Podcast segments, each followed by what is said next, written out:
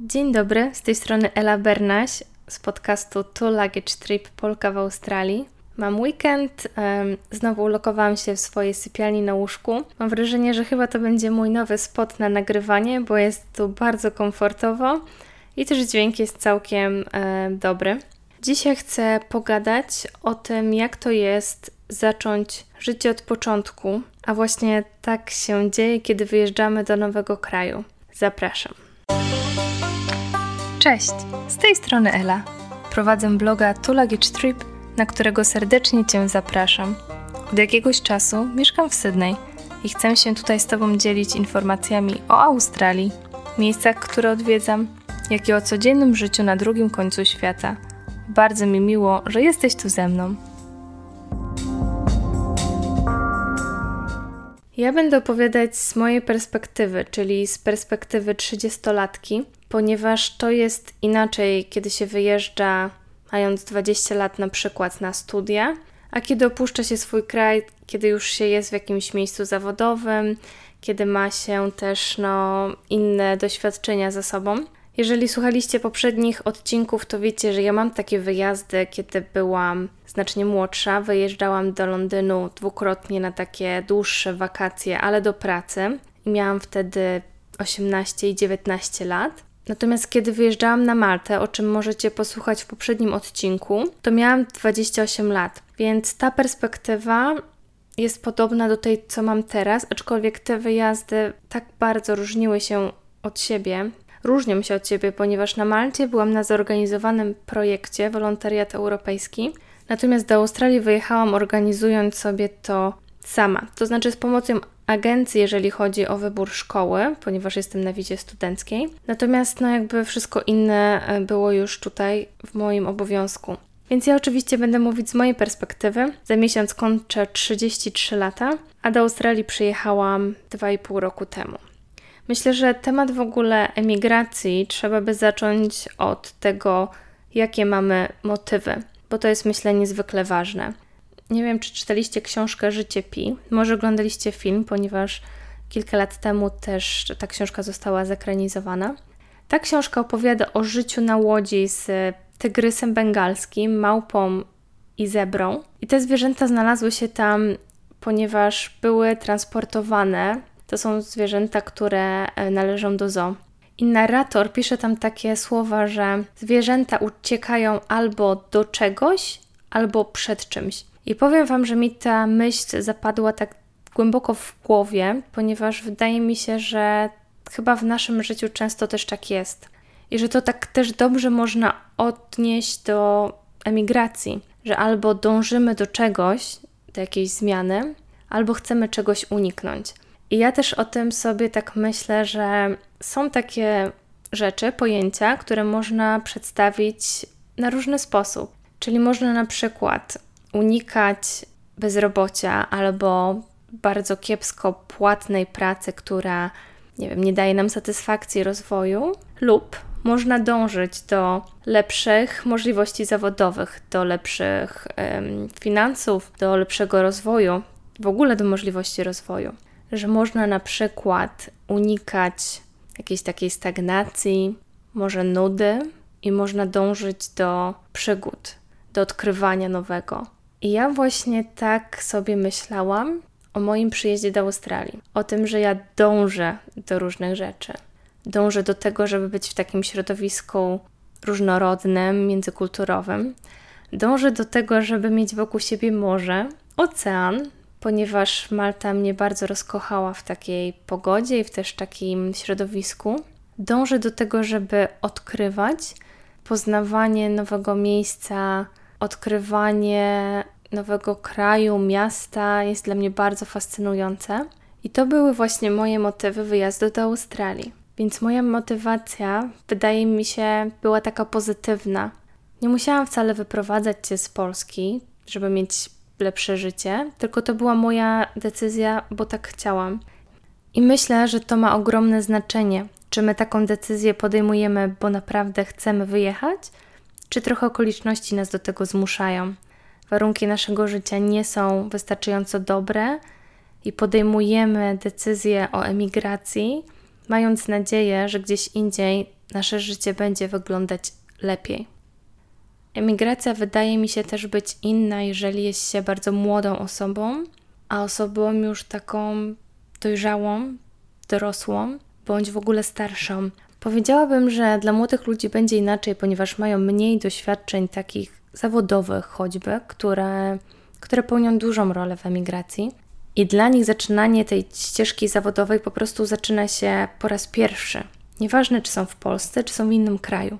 Natomiast dla mnie, kiedy przyjechałam do Australii mając 30 lat, to sytuacja już wyglądała inaczej, bo ja miałam 10 lat pracy za sobą i od początku studiów też pracowałam w swoim zawodzie, więc ja już miałam porównanie, ja też już przeszłam jakąś drogę rozwoju zawodowego i przyjeżdżając tutaj do Australii, w nowym kraju, no ja właściwie muszę zacząć od początku. Australia też jest trochę specyficzna w tym względzie, ponieważ ona nie uwzględnia naszych polskich kwalifikacji czy europejskich ogólnie.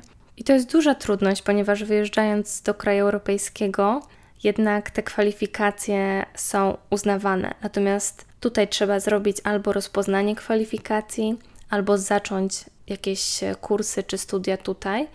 Są inne standardy pracy, inne oczekiwania, i mam trochę takie poczucie, że będąc tutaj kilka lat i nawet y, przechodząc te różne kwalifikacje, to jednak nie jest się stąd. Nie jest się Australijczykiem i trochę inaczej można wypadać w porównaniu z kolegami, koleżankami z pracy. Więc dużo osób przyjeżdżając do Australii po prostu zaczyna pracę jakąkolwiek. Sprzątanie, kawiarnie, jakiekolwiek takie prace dorywcze. Ja znam przykłady wielu osób, które miały fajne wykształcenie i dobre doświadczenie w Polsce, natomiast tutaj nie miało to żadnego znaczenia.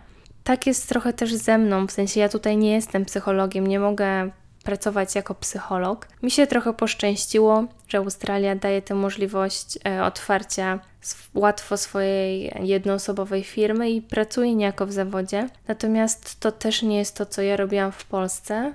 I na ten moment nie mam szansy, aby robić to, co robiłam w Polsce. Musiałabym przejść różnego rodzaju kursy albo rozpoznania kwalifikacji. I wiecie, ja już zrobiłam swoje 5 lat studiów magisterki, studia podyplomowe, ileś kursów i staży, a wygląda na to, że to nie ma dużego znaczenia. I to jest trudne. To jest dla mnie trudne i jestem przekonana, że dla wielu innych osób, które emigrowały i właśnie zaczynają od początku. Emigracja to też są pożegnania. Pożegnania z rodziną i z przyjaciółmi. No i jak się wyjeżdża do Australii, to też jest inna perspektywa tych pożegnań. Kiedy mieszkałam na Malcie, to byłam oddalona od Warszawy 2,5 godziny siedzenia w samolocie. Teraz mieszkam w Australii. Udało mi się odwiedzić Warszawę w zeszłym roku, nawet dwukrotnie, ale to nie jest standard. To była taka szczególna sytuacja i drugi raz leciałam dosłownie na 4 dni na ślub mojej przyjaciółki, moich przyjaciół. Natomiast zorganizowanie odwiedzin w Polsce to jest e, takie przedsięwzięcie. Wiadomo, że do Europy nie leci się na krótko. Sam lot to jest minimum 25 godzin, więc trzeba zadbać o dłuższy urlop. Wiąże się to z dużymi kosztami, no i nie da się tego zrobić na chwilę, na weekend. Wyjeżdżając do Australii, też żegnamy się z bliskimi, mając świadomość tego, że nie będziemy się tak często odwiedzać.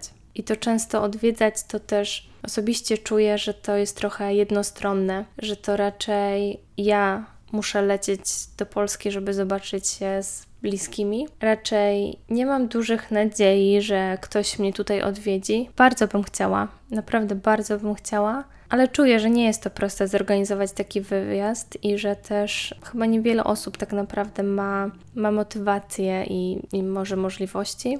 No więc emigracja to są pożegnania z ludźmi, ale to też są pożegnania z dotychczasowym życiem. I tak jak ja dążę do czegoś i chciałam, chciałam mieć to inne życie, to oczywiście są takie aspekty mojego życia, które bardzo lubiłam w Warszawie.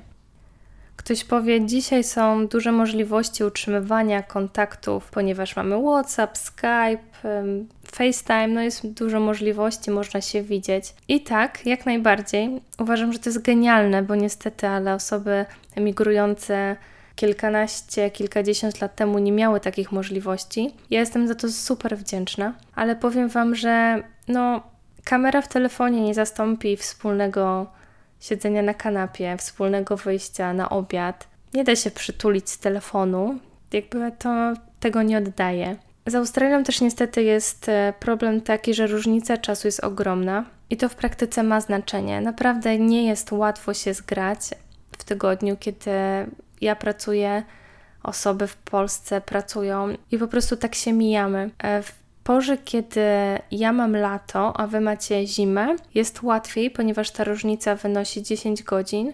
I kiedy ja na przykład mam taki późny wieczór, to Polska już się budzi. Natomiast w tym czasie teraz no jest 8 godzin i to jest dużo gorsze, bo kiedy, bo kiedy ja wstaję, jeżeli nie wstaję bardzo wcześnie, to w Polsce jest już bardzo późno i to jest za późno na telefon i odwrotnie. Więc wiecie, w praktyce to pozostają tak naprawdę weekendy do tego, żeby się zgrać na telefon. A w weekendy ludzie też mają różne plany, więc to też różnie wychodzi. Sama też mam plany, nie, nie, nie zwalam tutaj na innych. Więc niby można być w kontakcie i ja sobie cenię to, że jestem w kontakcie e, z moimi ludźmi, natomiast to nie jest to samo.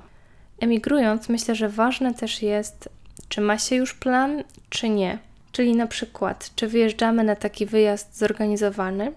No i tutaj na przykład y, moja wyprawa na Maltę w ramach wolontariatu europejskiego to był wyjazd zorganizowany. Ja wiedziałam, gdzie jadę, wiedziałam, że mam już zapewnione mieszkanie, pracę. Też jakby już miałam środowisko ludzi, którzy robili to samo co ja, więc jakby potencjalny krąg znajomych. Wyjeżdżając do Australii miałam jakby część planu, bo wiedziałam, że jadę do szkoły. Ta szkoła była też zorganizowana z pomocą agencji. No i tutaj moje szczęście jest takie, że ja też mam rodzinę w Australii, więc też wiedziałam, że na początku będę mogła się zatrzymać u krewnego w Sydney. Więc trochę tak myślę sobie o tym wyjeździe, że on był taki na pół zorganizowany, w sensie jakaś, jakaś część była pewna. Myślę, że ogromne znaczenie ma to, czy wyjeżdża się samemu, czy z kimś. Wyjeżdżają rodziny, wyjeżdżają pary, wyjeżdżają przyjaciele. No i to jest już zawsze takie wsparcie od początku, bo jesteśmy w tym razem, czyli jest osoba, którą znamy, zakładam, że lubimy albo kochamy, więc można się wzajemnie wspierać. Nie jest się też samotnym, od samego początku ma się towarzystwo. Duże znaczenie, myślę, wyjeżdżając ma też, e, czy ma się pracę, czy nie. No właśnie, szczególnie w Australii to zaczynanie od początku z pracą, tak jak już wspomniałam, może być trudne. Natomiast do Australii też się da wyjechać na taki kontrakt, e, wizę pracowniczą i myślę, że to jest po prostu o niebo prostsze, kiedy już przyjeżdża się do czegoś, co jest pewne, kiedy ma się pewny dochód, ma się też potencjalnie jakichś znajomych, z którymi pracujemy, więc to ma duże znaczenie. Po przyjeździe do nowego kraju uczymy się wszystkiego od początku nowe miejsce, więc nowe zasady. To jest nowy język. I nawet jeżeli to jest język, który znamy, na przykład angielski, no to muszę Wam powiedzieć, że angielski australijski to nie jest język, którego uczą w szkołach. To też nie jest język, którym ja się porozumiewałam na Malcie czy w Londynie. Po pierwsze, akcent jest zupełnie inny i ja Wam powiem, że jeżeli jest grupa Australijczyków, którzy ze sobą rozmawiają, to ja nie rozumiem wiele. To znaczy, Mam tak, albo łapię jakieś pojedyncze słówka, ale nie do końca umiem złapać sens ich wypowiedzi i o czym oni tak naprawdę gadają, albo na odwrót, mam jakieś pojęcie, jaki jest temat, ale za cholery nie wiem, co oni myślą na ten temat. I pamiętam właśnie te moje pierwsze y, dni, kiedy znajomi zabrali mnie na Sylwestra y, w stanie Victoria na camping – no i to byli młodzi ludzie. Dużo z nich mówiło też po polsku, bo byli pochodzenia polskiego, natomiast urodzeni już w Australii. I powiem Wam, że jak pojedynczo z, rozmawiałam z nimi, z tymi ludźmi, no to rozmawialiśmy. Jak tam czegoś nie zrozumiałam, no to nie wiem, dopytałam, ale ogólnie szło ok. Natomiast jak sobie usiedliśmy przy ognisku, albo nie wiem, tam śniadanie jedliśmy i oni ze sobą rozmawiali, to ja po prostu nie miałam pojęcia o czym. Więc język tutaj jest wyzwaniem. E, Australijczycy lubią też bardzo skracać e, słowa, więc skracają je tak, że jeżeli nie wiesz, to się nie domyślisz. Na przykład Barbie to jest barbecue, albo brekkie to jest breakfast, czyli śniadanie. Moim takim pierwszym australijskim słowem, którego się nauczyłam, no z racji tego, że byłam na kempingu, to było mozy, to są komary. Ale wiecie, ja bym nigdy na to nie wpadła wcześniej.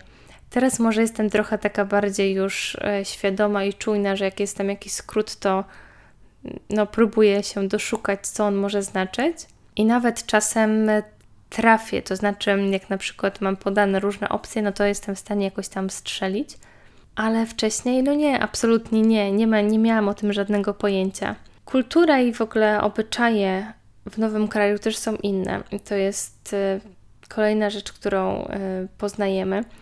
Tutaj na przykład jest tak, że jest taka kultura small talk, tak? Czyli wszyscy zawsze tam zapytają how are you i no właściwie nie wiem, czy oczekują jakiejś takiej konkretnej odpowiedzi, czy tej standardowej I'm fine, thanks, how are you? Ale to jest coś, do czego też trzeba się troszkę przyzwyczaić. Australijczycy, Australijczycy są bardzo uśmiechnięci, to jest fajne.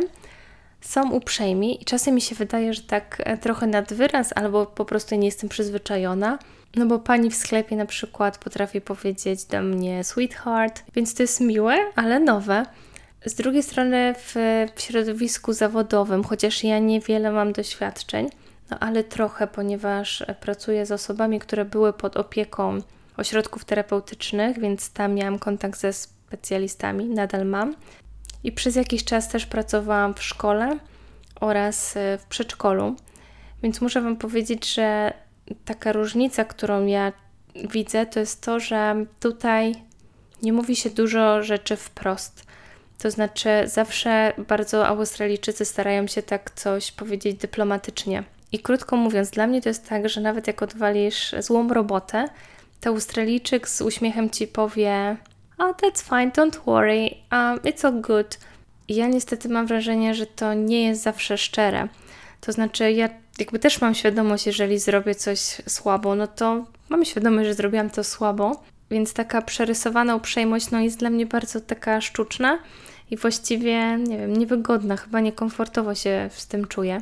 Ale tutaj jest taka kultura, jakby wszystko się mówi właśnie w taki sposób dyplomatyczny, też jest taka, nie wiem, uważność na drugą osobę. I nie mogę powiedzieć, że to nie jest fajne, bo myślę, że to jest, myślę, że to jest fajne, że ludzie starają się w miły sposób e, dać Ci komentarz, ale z drugiej strony sobie myślę, że no kurczę, też się może nie uczysz odpowiednio, jeżeli ktoś Ci cały czas słodzi.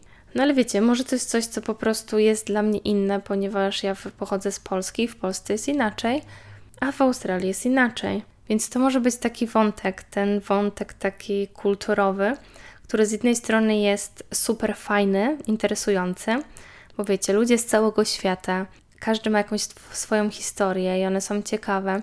I poznajemy osoby i ich e, punkt widzenia, i to jest super. A z drugiej strony w tym środowisku mogą być też takie sytuacje, kiedy średnio się odnajdujemy. Ja na pewno bardzo dobrze odnalazłam się w środowisku takim naturalnym, w pogodzie i w otoczeniu, jeżeli chodzi o Sydney. Sydney jest genialnym miastem, jeżeli chodzi właśnie o plaże. Słońce świeci tutaj przez 236 dni w roku, więc całkiem nieźle. No ja się Sydney zachwycam. I ja jestem z tych osób, która lubi spakować plecak i pójść sobie na taką wycieczkę. Więc jak tutaj przyjechałam i na początku też miałam trudność w znalezieniu pracy, to właśnie sobie robiłam takie wycieczki.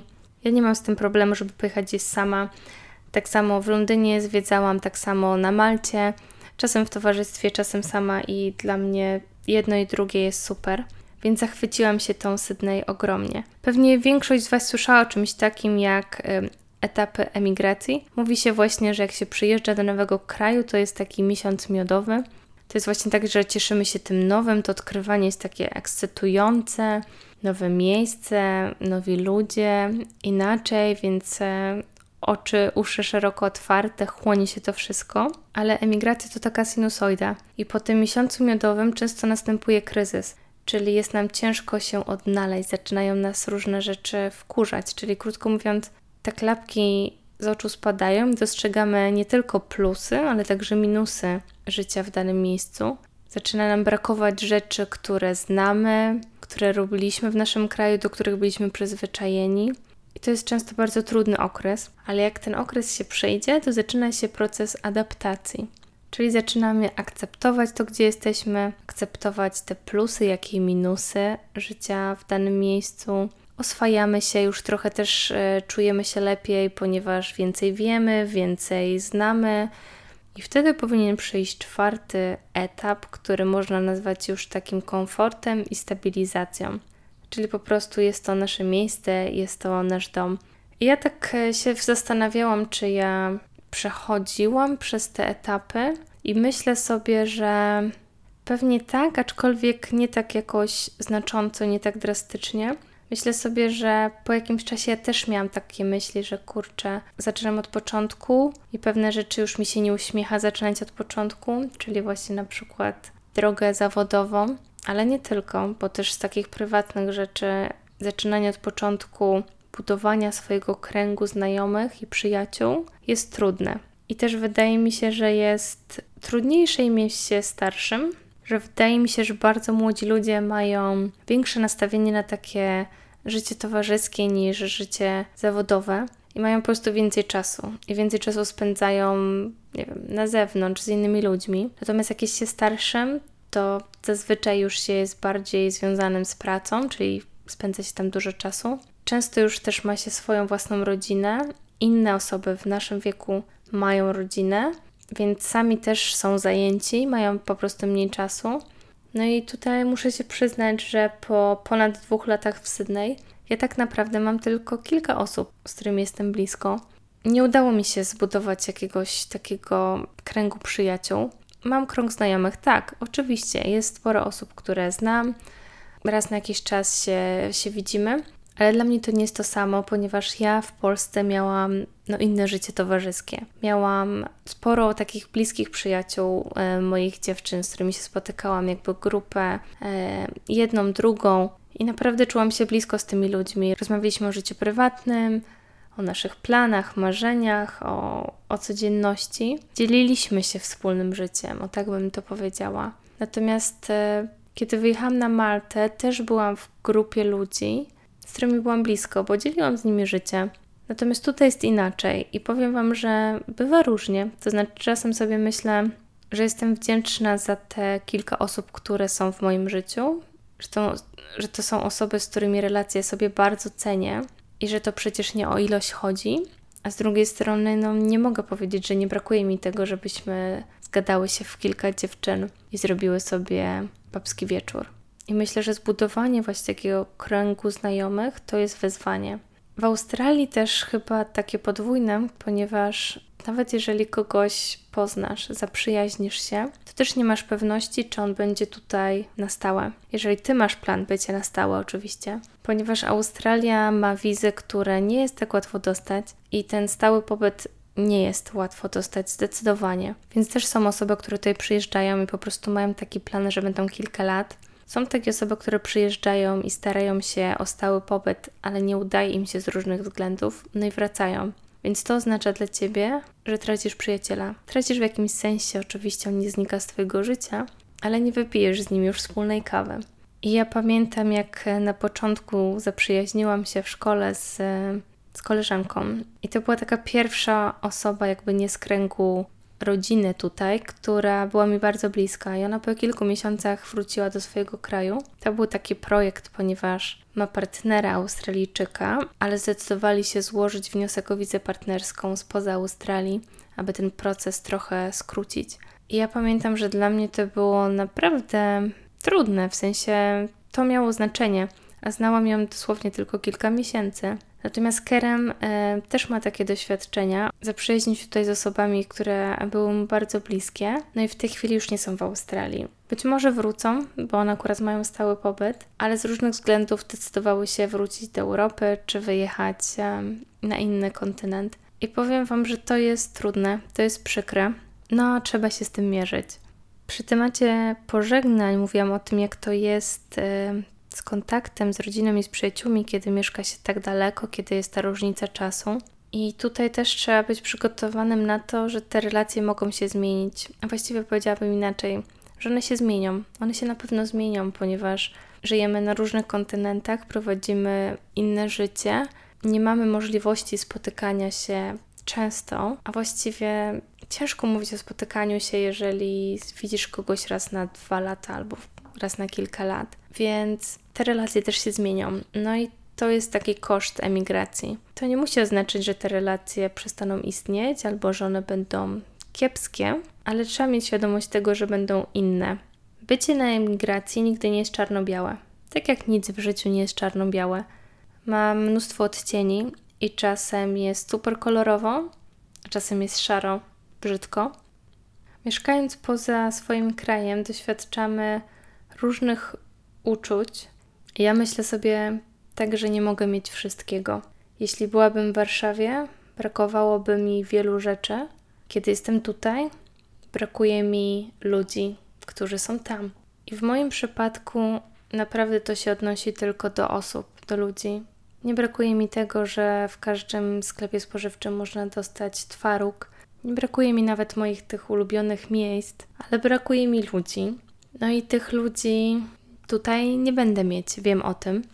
Ale to, co ja sobie myślę, to to, że muszę to jednak odnieść do siebie, czyli tak na końcu tego wszystkiego to ma znaczenie to, gdzie się budzę i jak się z tym czuję.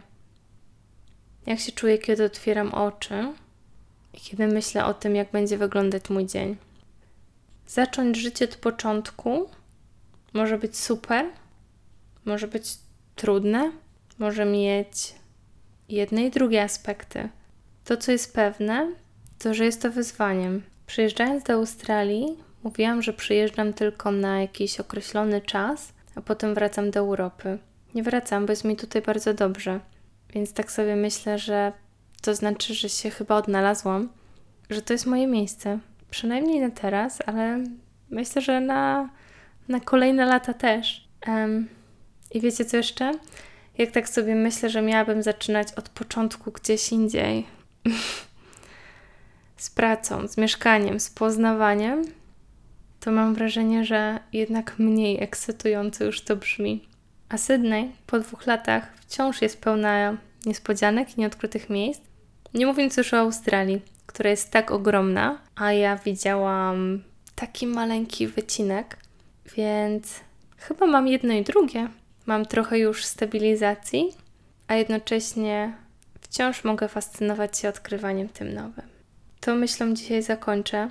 Bardzo chętnie posłucham Waszych historii i dowiem się, co Wy myślicie o emigracji, jak się odnajdujecie, jeżeli mieszkacie za granicą, jakie macie myśli związane z emigracją swoich bliskich. Możecie się odezwać na Instagramie, to Luggage Trip, albo na Facebooku, albo w komentarzach, jeżeli odsłuchujecie podcastu na YouTubie. Tymczasem ja się z Wami żegnam. Pozdrawiam Was bardzo serdecznie z Sydney i do następnego razu. Pa!